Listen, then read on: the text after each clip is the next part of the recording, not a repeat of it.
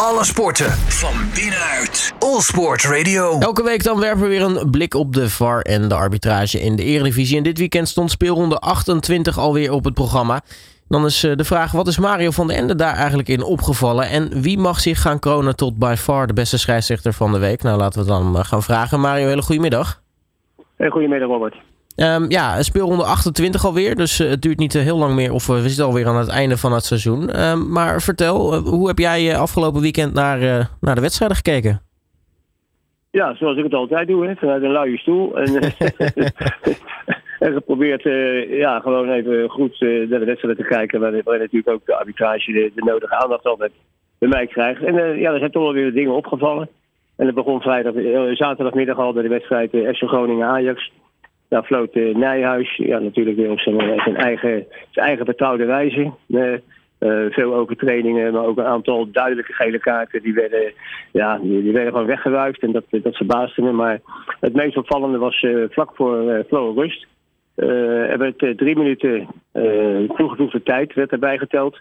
En dat werd ook aangegeven langs de kant. En toen zag je dus dat nou, ongeveer een drieënhalve minuut Nijhuis affluiten. Maar kort daarvoor, kort daarvoor was er een hensbal door Dankelui gemaakt op de achterlijn. En uh, ja, die was door Nijhuis ja, of niet waargenomen, of hij dacht, uh, misschien kan ik in het rustsignaal kan ik, kan ik me verschuilen. Maar goed, in ieder geval ja, bleek toch dat de VAR, en in dit geval was het Dieperink, die had die hensbal wel geconstateerd en die haalde dus...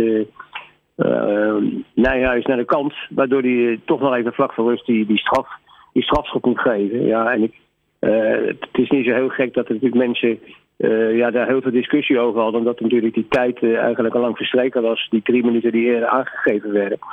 Ehm, ja, goed, ik heb meer in dit programma ook al gepleit van, voor een discussie op te starten. Of een lobby op te starten. Of misschien wat te pleiten voor het invoeren van zuivere speeltijd. Want dat, dan zie je dat dat in dit geval had het in ieder geval een hoop onduidelijkheid weggenomen. Dus ja, ik vond het niet zo'n sterke beurt op dat moment.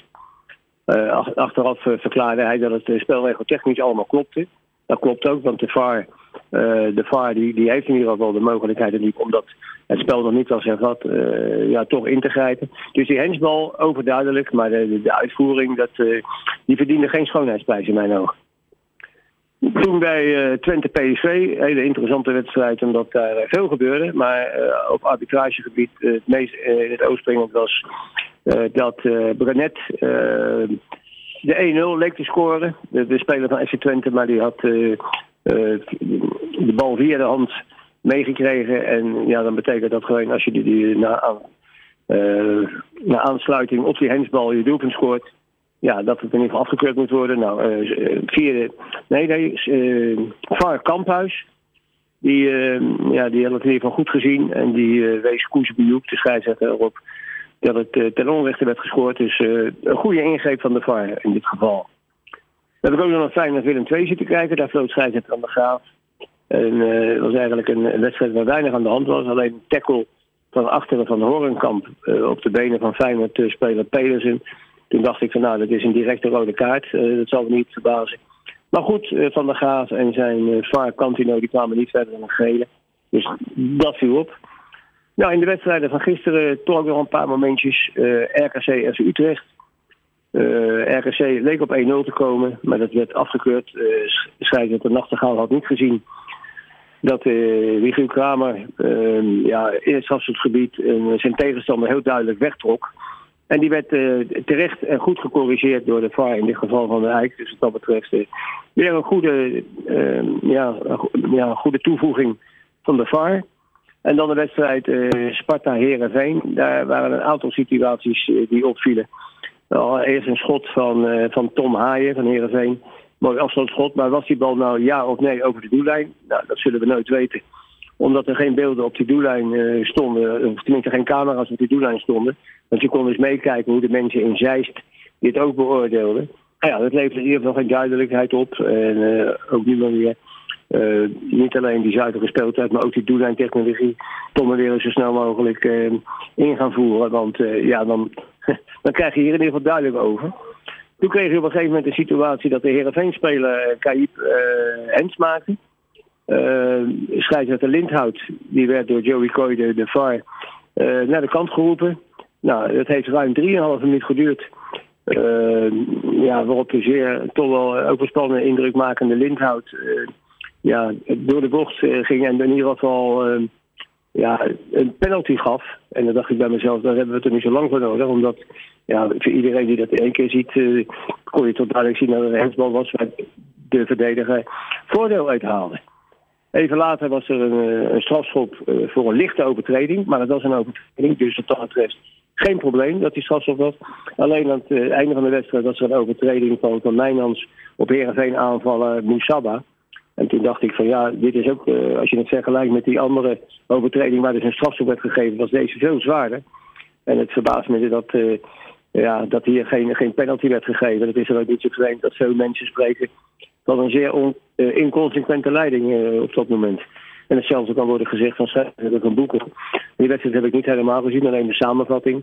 Maar ook daar kan je gewoon zien dat de wijze van interpreteren en bestraffen heel veel vraagtekens opriepen. Dus wat dat betreft uh, waren dat toch wel de, de situaties die mij zijn opgevallen dit weekend. Ja, dan nog even kort over die doellijntechnologie bij, bij Sparta tegen Herenveen. Uh, voor, voor, je gevoel is dat inmiddels dusdanig een gemeengoed dat, dat, dat je verwacht dat het eigenlijk overal wel is. Maar in hoeverre zijn dan bijvoorbeeld de camera's, is dat dan iets anders dan het systeem met dat bekende horloge waar men direct uh, kan zien van oh hij is over de doellijn geweest of niet? Of is, heeft dat met elkaar te maken?